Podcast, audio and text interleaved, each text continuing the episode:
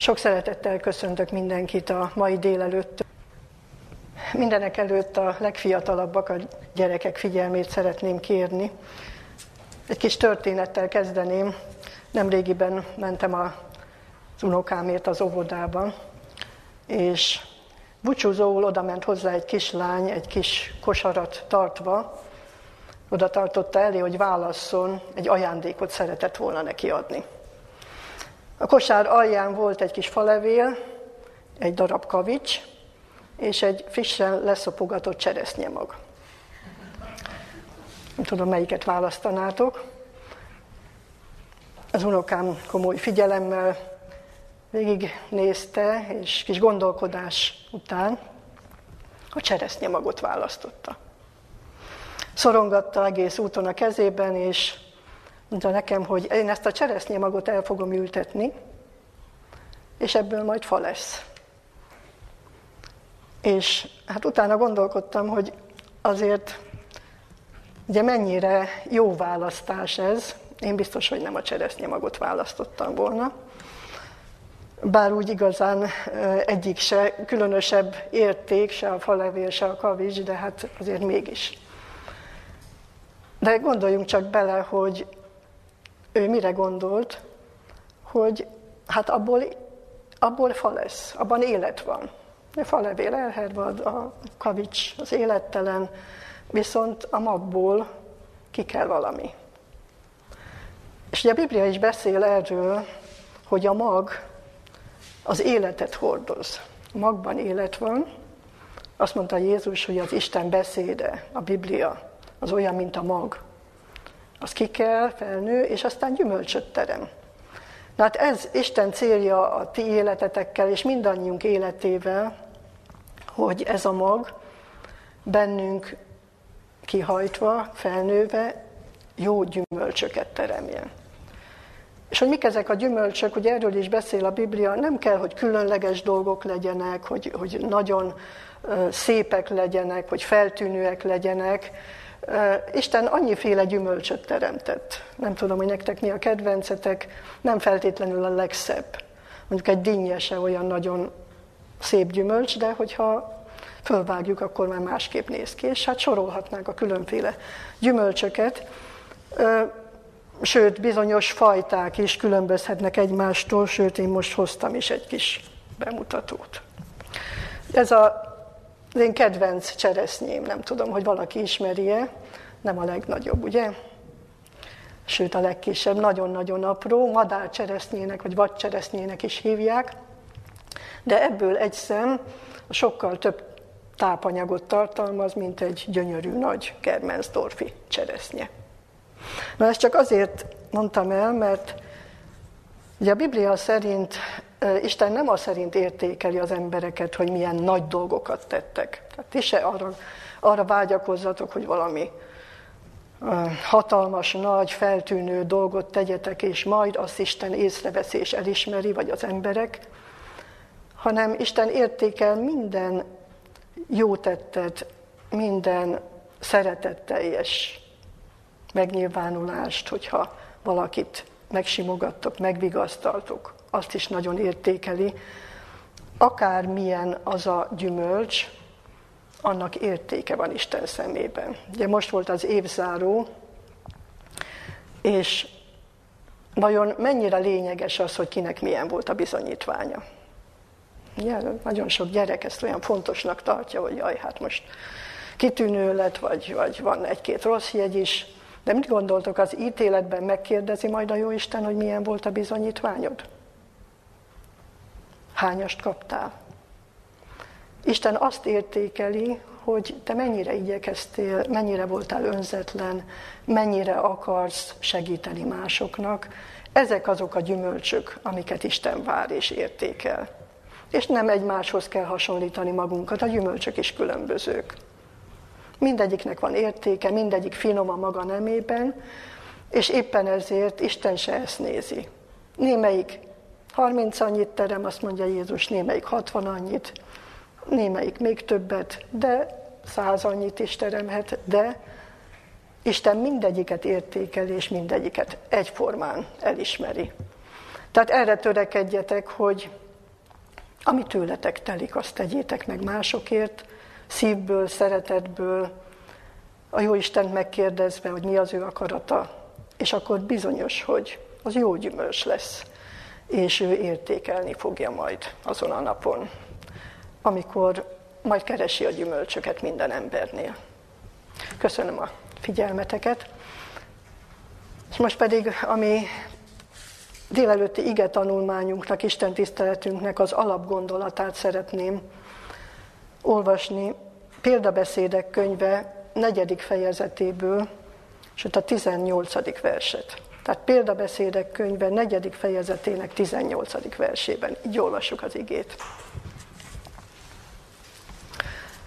Az igazak ösvénye pedig olyan, mint a hajnal világossága, amely minél tovább halad, annál világosabb lesz.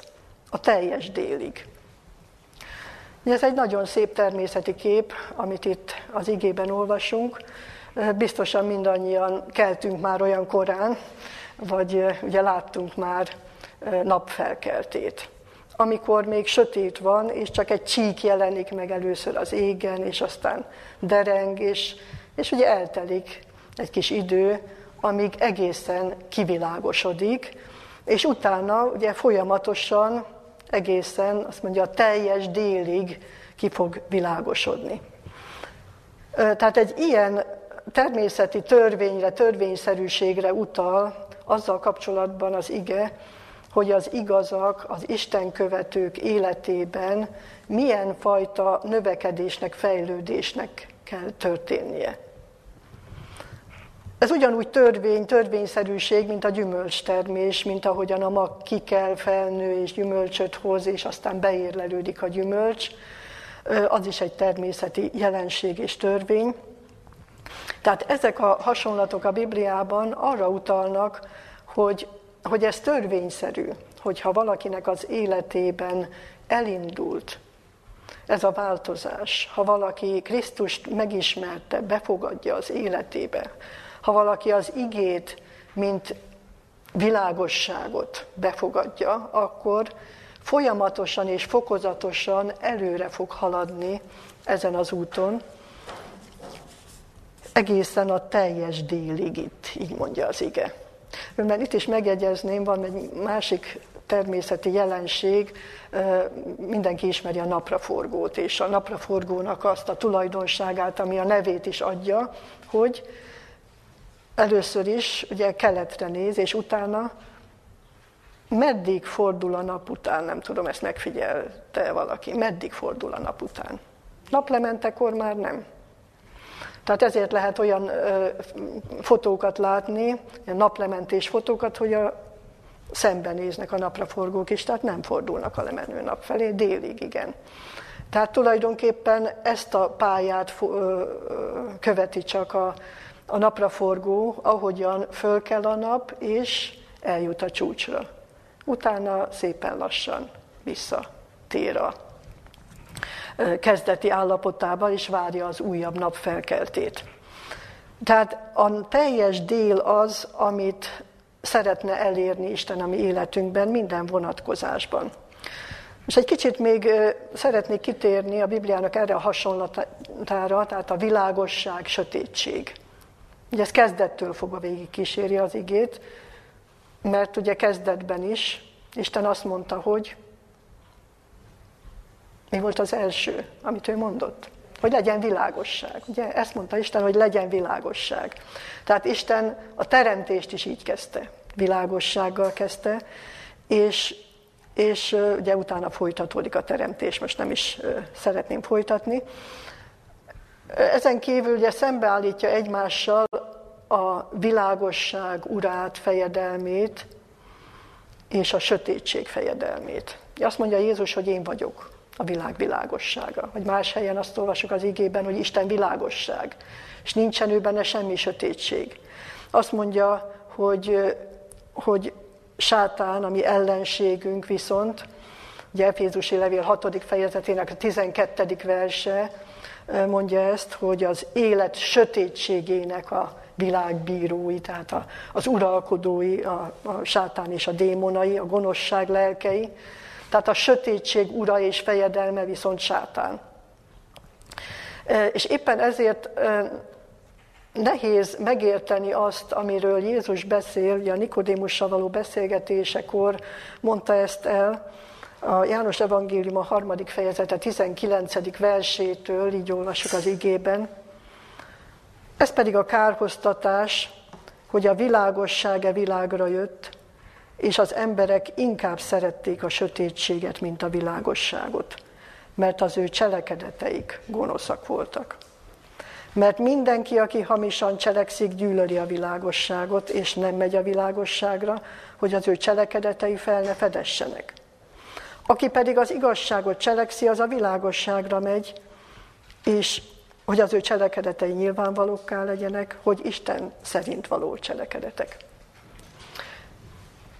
Hát mit mond itt Jézus? Hogy az igazi világosság eljött a világba, ő, Krisztus elhozta az igazi világosságot, az ő igazságával, tisztaságával, szeretetével bemutatta, hogy milyen is az Isten, és az emberek inkább szerették a sötétséget. Ez egy nagyon érdekes dolog, mert azért, ha belegondolunk, nem, nem sokan szeretik a sötétet, legalábbis én nem szeretem, félelmetes is. Az ember bizonytalan, nem tudja, hogy hol milyen veszedelmek vannak a sötétben, és, és egyáltalán hát ugye járni is nehéz egy sötét úton, és mégis az emberek inkább szeretik a sötétséget. Ezért ebbe is gondoljunk bele, hogy a legtöbb bűncselekményt mikor követik el. A sötétben, nem? Sötétben éjszaka, amikor ugye nem látják az emberek. Tehát szeretik titkolni a, a gonoszságot, az emberek többsége legalábbis. Ezt mondja itt Jézus, hogy a cselekedetei gonoszak, és ezért nem akarnak a világosságra jönni, mert akkor kiderül, napfényre jön a gonoszság, a bűn. Igen, tehát ez is egy érdekes kérdés, hogy mikor derülnek ki a mi bűneink is. Hogyha ezt a jelképet tovább folytatjuk, Ézsaiás könyvében van egy ilyen ige, hogy, hogy sötétség borítja a földet és éjszaka a népeket. Hát most egyre inkább ezt tapasztaljuk, ezt a lelki, szellemi és erkölcsi sötétséget.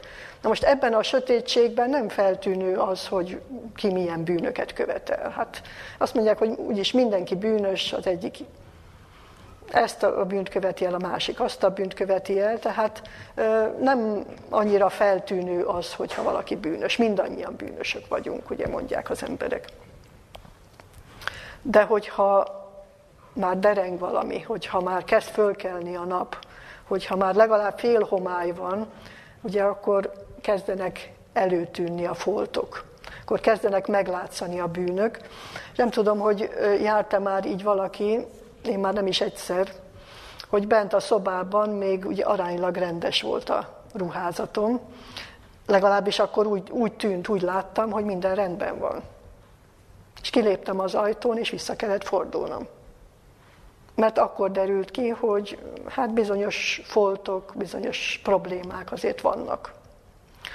Hát ugye félhomályban nem minden folt derül ki. A nagyja így mondhatnánk, hogy a na- nagyobb foltok, a, a, a súlyosabb bűnök e, észrevehetők már a félhomályban. És ezt ezért említem ezt a félhomályt, mert mi sajnos nagyon sokszor megelégszünk a félhomályjal.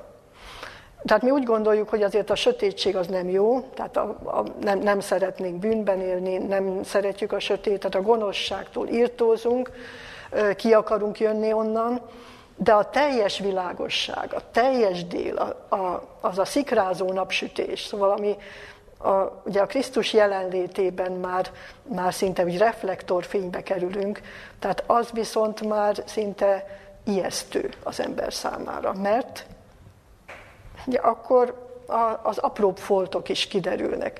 Félhomályban nem lehet észrevenni. Ugye az ige azért ugye sok hasonlatot használ erre vonatkozóan, és ugye a Laudícia üzenetet mindannyian ismerjük bizonyára. Ott Jézus langyosságnak nevezi ezt az állapotot, amelyik se nem hideg, se nem forró, ez a középút, ami talán kellemesnek tűnik, de mégis elfogadhatatlan az ő szemében, amikor az ember csak fél útig jut el.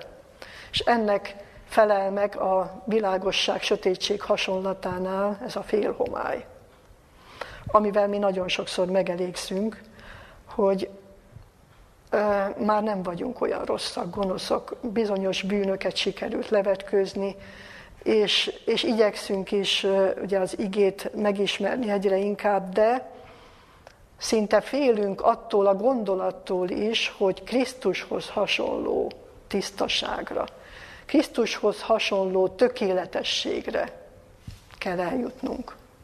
Arra a makulátlanul tiszta jellemre, amiről jelenések könyvében azt olvassuk, hogy tiszta és ragyogó fehér menyegzői ruha. Már pedig ugye ez a hasonlat, a ruha hasonlata is erről szól, hogy ott már nem lesznek, nem lehetnek foltok se, a, a szürke árnyalata sem lehet rajta azon a ruhán. Tehát a teljes délig ez a célunk. Krisztus teljessége.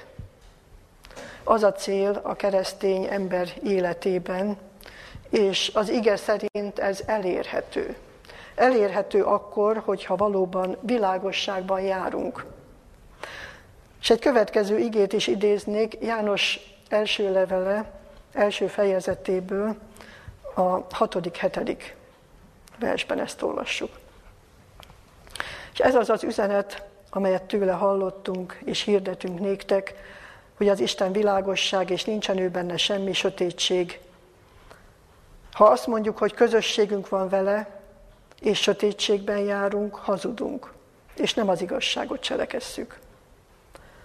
Ha pedig a világosságban járunk, amint ő maga a világosságban van, közösségünk van egymással, és Jézus Krisztusnak, az ő fiának vére megtisztít minket minden bűntől. Ugye itt azt mondja az ige, hogy ha világosságban járunk, akkor tud Krisztus megtisztítani minden bűntől bennünket. Ugye itt újra gondoljunk vissza erre a hasonlatra, hogy minél nagyobb fényre megyünk ki, annál több mindent veszünk észre magunkon. Ugye? Tehát a kisebb foltokat is észrevesszük. Én hallottam már hívő testvérünktől, aki ezt mondta, hogy hát én most bűnösebb vagyok, mint mielőtt megtértem volna. Hogy hogy lehet ez? Lehetséges?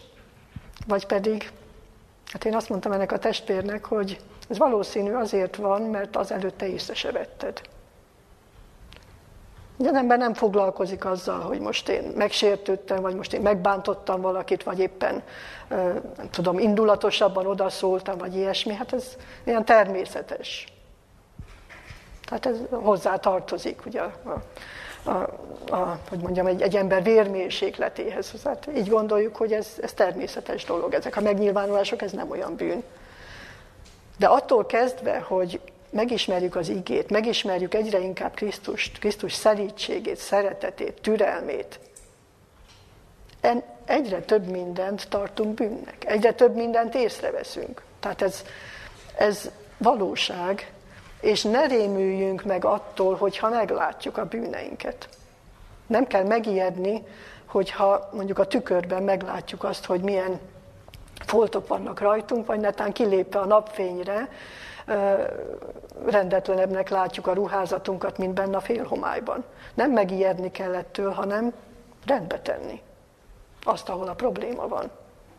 Tehát Isten ezt szeretné, hogy világosságban járjunk, és ha világosságban járunk, akkor ő fog segíteni, hogy ne csak felismerjük a bűneinket, hanem, ahogy itt mondja az ige, hogy az ő vére megtisztít minket minden bűntől. A világosságban járásnak ez a végeredménye. A teljes délig akar bennünket elvezetni Krisztus, és minden bűntől meg akar tisztítani bennünket. Igen, sokszor átsiklunk az ilyen kifejezéseken, hogy minden bűn, minden bűn megbocsátatik. Igen, ezt még úgy örömmel nyugtázzuk, hogy, hogy valóban hát minden bűnt meg akar bocsátani az Úr, akkor, akkor tehát, ha, ha én akármilyen bűnös vagyok is, akkor nekem is megbocsát. De vajon itt is komolyan vesszük-e az igét, hogy Krisztus vére által minden bűntől meg is tisztulhatunk? Mert a bűnbocsánat az többet jelent annál, hogy már nem terhel engem annak a bűnnek a súlya. Hadd olvassak néhány mondatot a Krisztus példázatai című könyvből. A tízszűz példázata fejezetből. Krisztus vallása több, mint bűnbocsánat. Krisztus vallása elveszi bűneinket, és helyüket betölti azokat a jellemvonásokkal, azokkal a jellemvonásokkal, amelyekkel a Szentlélek akar bennünket megajándékozni. Krisztus vallása mennyei világosságot jelent és örvendezést Istenben. Énünktől megüresített szívet jelent, és Krisztus állandó jelenlétének áldásait. Akinek szívében Krisztus az Úr, ott tisztaság van, ott nincs bűn, ott az evangélium programja a maga dicsőségében, teljességében és tökéletességében megvalósult. A megváltó elfogadásával tökéletes béke, tökéletes szeretet, tökéletes biztonság érzet jár együtt. Krisztus jellemének szépsége és jó illata megmutatkozik az ember életében, és tanúsítja, hogy Isten valóban elküldte fiát megváltóként a világnak. Gondoljuk át, mit mond ez az idézet, Krisztus vallása, tehát több, mint bűnbocsánat.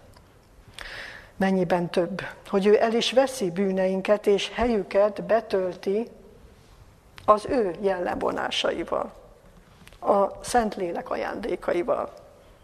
Krisztus vallása mennyei világosságot jelent. Az énünktől megüresített szívet, Akinek szívében Krisztus az Úr, ott tisztaságban, ott nincs bűn. Tehát igen, ezekkel nehéz szembesülnünk, főleg akkor, amikor még van bűn a szívünkben. Mert akkor újra csak meg kell vizsgálnunk magunkat, hogy hol van a hiányosságunk. Miért van ott a bűn? Mert még nem jutottunk el a teljességre, mert még a világosságban járás során nem engedtük azt, hogy Krisztus teljesen megszabadítson a mi bűneinktől. És lehet, hogy le is mondtunk erről. Ez a legveszélyesebb állapot, amikor az ember már nem vágyik a teljes tisztaságra.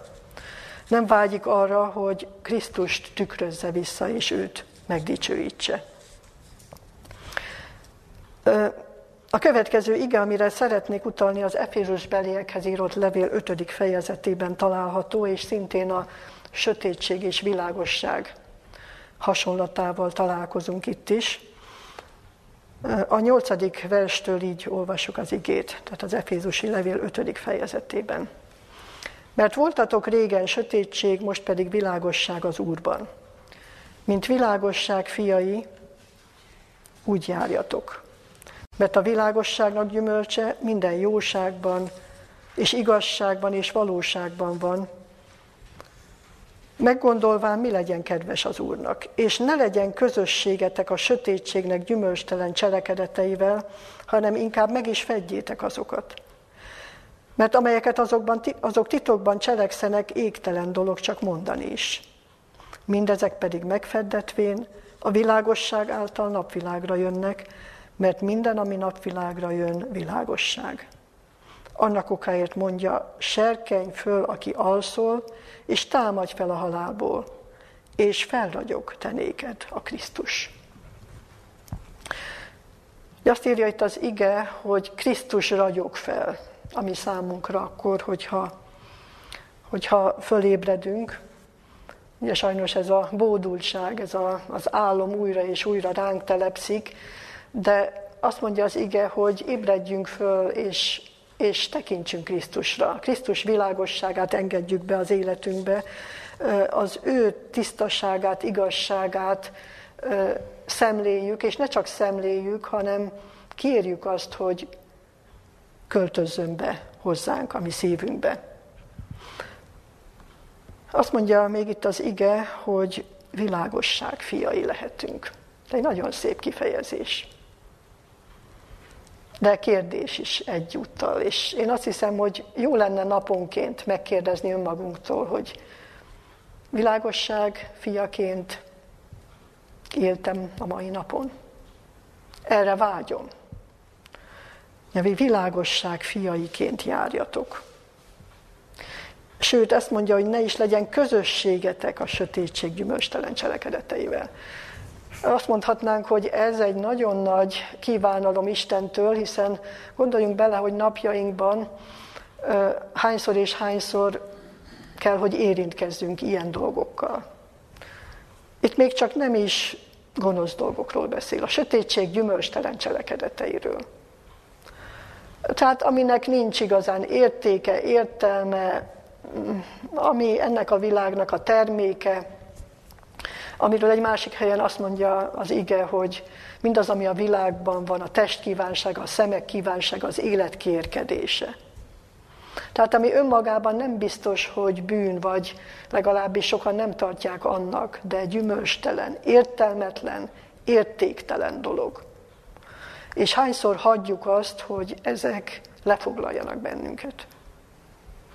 És vagyunk közösségben a sötétség gyümölcstelen cselekedeteivel. Akár csak olyan szinten is, hogy megnézzük, meghallgatjuk, ugye az internet korában már bármit lehet, bármit el lehet érni, és sokszor észesen vesszük, hogy mi tölti be a gondolatainkat.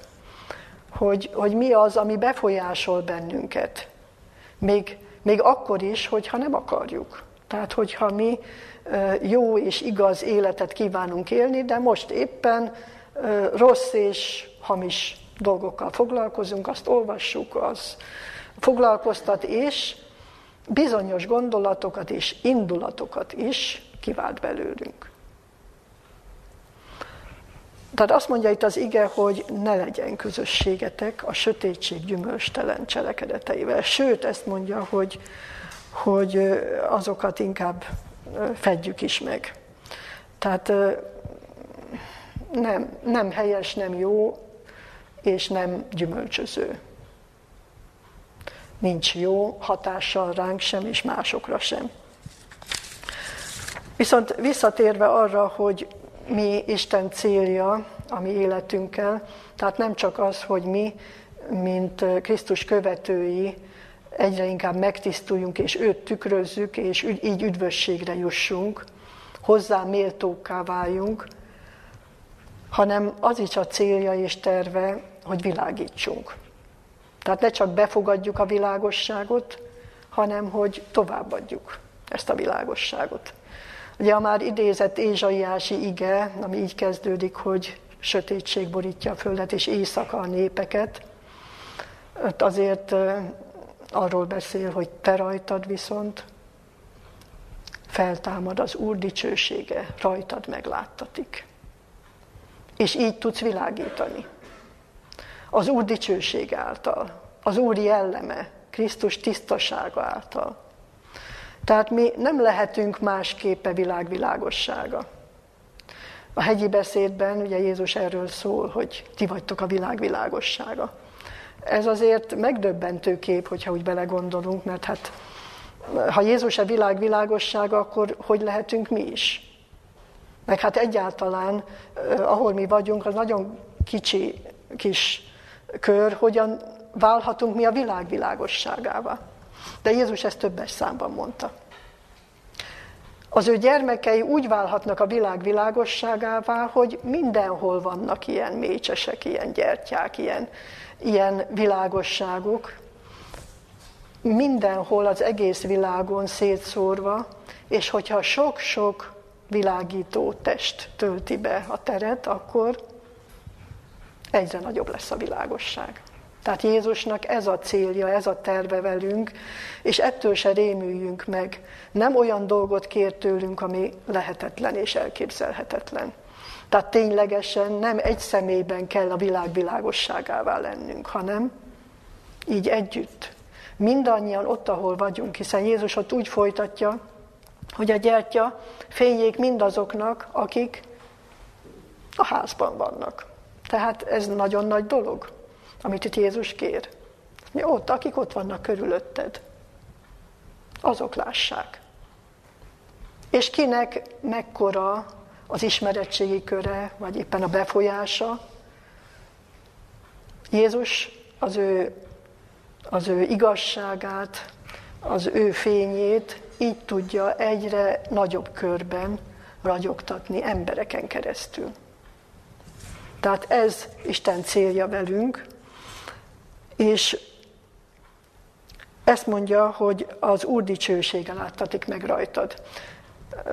Valószínű, hogy nem fogunk úgy ragyogni, mint mikor Mózes lejött a sínai hegyről, és be kellett fedni az arcát, tehát nem egy fizikai fényesség ez, de mégis, ugye azért szoktuk mondani ezt, hogy valakinek ragyog az arca. Mikor szokott ragyogni valakinek az arca? Hát igen, amikor valaki tele van örömmel, amikor, de ez az öröm, amikor belülről jön, tehát nem olyan fajta öröm, ez is érdekes, hogy az emberek vágyakoznak arra, hogy örülni tudjanak, de többnyire ilyen pótlékokat találnak maguknak, de attól nem ragyog az arcuk. Ezt is megfigyelhetjük. Elmennek különböző szórakozó helyekre, vagy találnak maguknak olyan elfoglaltságot, amitől hát jobban ére, érzik magukat, és úgymond örülni tudnak. Ilyen esetekben nem látjuk azt, hogy ragyogna az arcuk. Érdekes ennek a hatása. Ez nagyon múlékony, ez az öröm. De amikor belülről fakad, amikor valaki tényleg boldog, mert valami nem tárgyi dolgot talált, ami, ami elmúló, hanem, hanem sokkal értékesebbet, akkor tényleg ragyog az arca. És ezt a ragyogást nem lehet letagadni, és nem is kell, nem is szükséges, sőt, ezt mondja az ige, hogy enged, hogy világosság, a világosságod ragyogjon, add ki a fényességedet. Tehát, hogy a Krisztustól kapott szeretetet, kegyelmet, igazságot, és mindazokat az ismereteket, amelyeket a Biblia fényforrása alapján megismertünk, ezeket adjuk tovább. Ez Isten célja ezen a világon velünk. És itt is szeretnék néhány mondatot olvasni a Krisztus példázatai című könyvből, a tíz szűz példázatai, példázatával kapcsolatos fejezetből. Krisztus követőinek is fényt kell árasztaniuk a sötét világban. A Szentlélek Isten igéjéből fényt sugároz, és ez a világosság átformálja annak életét, aki befogadja. A Szentlélek az emberi szívekbe plántálja az ige elveit, és kialakítja bennük Isten tulajdonságait. Krisztus dicsősége fényének, Krisztus jellemének vissza kell tükröződnie követőiben. Így dicsőítik meg Istent, és megvilágítják a vőlegény házához, Isten városához, a bárány mennyegzői vacsorájához vezető utat. A vőlegényre várakozók hirdessék az embereknek, imhol Istenetek. Az irgalmat hordozó utolsó fénysugár, a világnak kegyelmet hirdető utolsó üzenet, Isten jellemének, a szeretetnek megláttatása. Isten gyermekei, mutassák meg Uruk dicsőségét. Az igazság napjának fénye sugározzék igaz cselekedetekben, az igazságot hirdető szavakban és szentségről tanúskodó tettekben. Tehát mi az a világosság, amiről itt az ige szól, hogy, hogy te add ki a világosságodat, és majd népek jönnek világosságot, világosságodhoz, és királyok a néket feltámad fényességhez, az Isten jellemének a bemutatása. Tehát tulajdonképpen nagyon egyszerű, ahogyan a, az ige is mondja, hogy csak azt kell befogadnunk, azt a világosságot, amelyik minden ember számára megjelent. Csak hát az emberek többsége jobban szereti a sötétséget. Ezért nem tud rájuk hatni. Elrejtőznek előle. menekülnek előle, a fény elől. De hogyha mi nem menekülünk, ha mi beengedjük az életünkbe, ha vágyakozunk arra, hogy még tisztább, még igazabb, még szentebb életet éljünk, akkor ő át is fog formálni bennünket. És akkor meg tudja valósítani ezt a tervét a mi életünkben is, hogy az ő jellemét sugározva valóban betölthessük ezt a szerepünket. És akkor az igazság napja fog ragyogni. Nem mi, nem a mi cselekedeteink lesznek már azok, és nem fogunk kérkedni vele, és talán észre se vesszük. Éppen tegnap este beszélgettünk erről egy imaórán, hogy Jézusnak mennyi gyógyítása lehetett még azon kívül, amelyeket az evangéliumok megörökítettek. Nagyon sok János evangéliuma úgy fejeződik be, hogy ha mindet leírták volna, akkor a világ összes könyvtára nem fogadhatná be. Nagyon sok. De mondhatnánk, hogy azok szinte rejtve maradtak. Lehet, hogy Jézus segített úgy embereken, hogy senki más nem tudott róla, senki más nem látta. És mi se tudunk róla. És attól még ő tette. Tehát Jézus nem csak ezeket a, a cselekedeteket ö, vitte véghez, amelyekről tudunk. Tehát gondoljunk mi is erre, hogy, hogy ne csak akkor és ne csak úgy, amikor mások is látják, amikor tudnak róla, ne, ne arra vágyjunk, hogy, hogy valami feltűnő módon, vagy, vagy, vagy tényleg úgy, hogy, hogy, hogy elis, emberi elismerést kapjunk, hanem váljon a természetünké az, hogy, hogy mi is Krisztusi módon, ahogyan ő széjjel járt jót tévén, mi is erre törekedjünk, hogy észrevéve minden embernek a pillanatnyi szükségletét, hogy valakit vigasztalni kell, hogy valakit erősíteni kell, hogy valakinek valamilyen anyagi támogatásra van szüksége, vagy bármi másra van szüksége, akkor azt adjuk és tegyük természetes módon, és nem úgy, mint akik ugye ezeket feljegyzik és megjegyzik, hiszen lesznek majd olyanok is sajnos, Jézus beszélt azokról, akik jönnek majd azon a napon, ugye az ítéletkor, és mondják, hogy Uram, a Te nevedben nagy, hatalmas dolgokat cselekedtünk. És jár nekik az üdvösség ezért? Jézus azt mondja, hogy sohasem ismertelek titeket. Le, és nem tagadja azt Jézus, hogy tették, tehát ezek szerint tényleg igaz volt. Csak éppen hiába tették Jézus nevében, ha semmi közük nem volt hozzá. Hiszen Jézus azt mondja, hogy sohasem ismertelek titeket. Ha valakinek nincs köze Krisztushoz, ha nem tőle kapja a világosságot, akkor amit továbbad, az se a Krisztus világossága. Az nem tőle származik, annak nincs értéke. Az önző cselekedet lesz, még akkor is, ha ad. Ugye azt gondoljunk a szeretet himnusz a kezdő soraira, hogy bármi nagy dolgot tehetek, de nincs szeretet bennem, semmi hasznom abból, és semmi értéke nincsen. Tehát végül újra utalnék erre az idézetnek, erre a mondatára, hogy az irgalmat hordozó utolsó fénysugár, a világnak kegyelmet hirdető utolsó üzenet, Isten jellemének, a szeretetnek a megláttatása lesz. Ez az a világosság, aminek be kell töltenie az egész Földet. Tehát ne, ne értsük félre, igen, az ige is világosság, igen, a proféciák is, hiszen akkor támad nappal és világosság a mi szívünkben, hogyha egyre inkább megértjük, megismerjük, tudjuk, hogy hol járunk, tudjuk, hogy merre kell mennünk, tudjuk azt is, hogy az Isten lelke mikor milyen jó cselekedetekre késztet bennünket, amelyeket ő előre elkészített számunkra. Tehát ez mind-mind nagyon fontos. A legfontosabb viszont ez, hogy az Isten jellemét tükrözzük vissza, és ezzel világítsunk másoknak.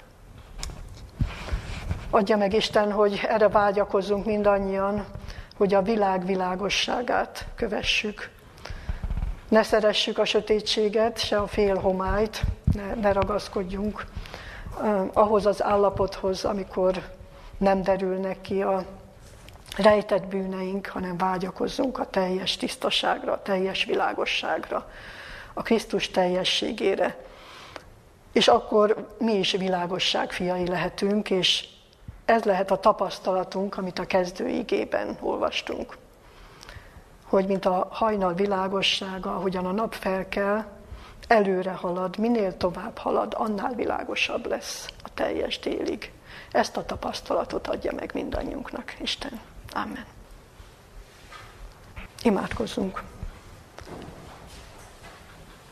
Mennyei atyánk, szerető Istenünk, hálásak vagyunk azért a világosságért, amelyet te a te igédben adsz nekünk, hogy újra és újra megmutatod azt az utat, amelyen járnunk kell, és újra és újra felfeded a hiányosságainkat is. És köszönjük azt is, hogy Krisztusban eljött ebbe a világba, a sötét világba, az igazi világosság. Köszönjük, hogy nem csak a világba jött el, hanem a mi szívünkbe is szeretne betérni. Hogyha megnyitjuk az ajtót, hogyha valóban megengedjük azt, hogy uralja a mi életünket, gondolatainkat is, vágyainkat is, akkor te vezetsz bennünket, és segítesz abban, hogy valóban megtisztulhassunk minden bűntől. Segítesz bennünket abban, hogy egyre inkább tükrözzünk téged, hogy a te dicsőséged, a te tisztaságod, jellemed mutatkozzék meg a mi életünkben, a szavainkban, minden megnyilvánulásunkban. Istenünk, te látod azt, hogy mennyire vágyakozunk erre az életre, mennyire szeretnénk, hogyha végre nem szégyenkeznünk kellene a mi bűneink miatt, és amiatt, hogy szégyent hozunk rád is. Mennyire szeretnénk azt, hogyha megdicsőülhetne a te szent neved általunk is. Kérünk, hogy te végezd el a megtisztításnak ezt a munkáját a mi életünkben is. Hogy végre az egész világon láthatóvá legyen az, amit te szeretnél megmutatni, hogy a sötétségben felragyogjon még utoljára a te dicsőséged, a te világosságod, hogy minden embernek lehetősége legyen megismerni téged, a te igazságodat, és dönteni te melletted. Köszönjük neked, hogy te adodat ezt te szent lelkedet, és tisztogatsz bennünket nap mint nap, hogy mi a világosságban járhatunk, és hogy te ebben a folyamatban valóban a teljes délig el tudsz vezetni bennünket. Mi megváltunk, Jézus nevében jöttünk eléd, és köszönjük, hogy meghallgatsz bennünket. Amen.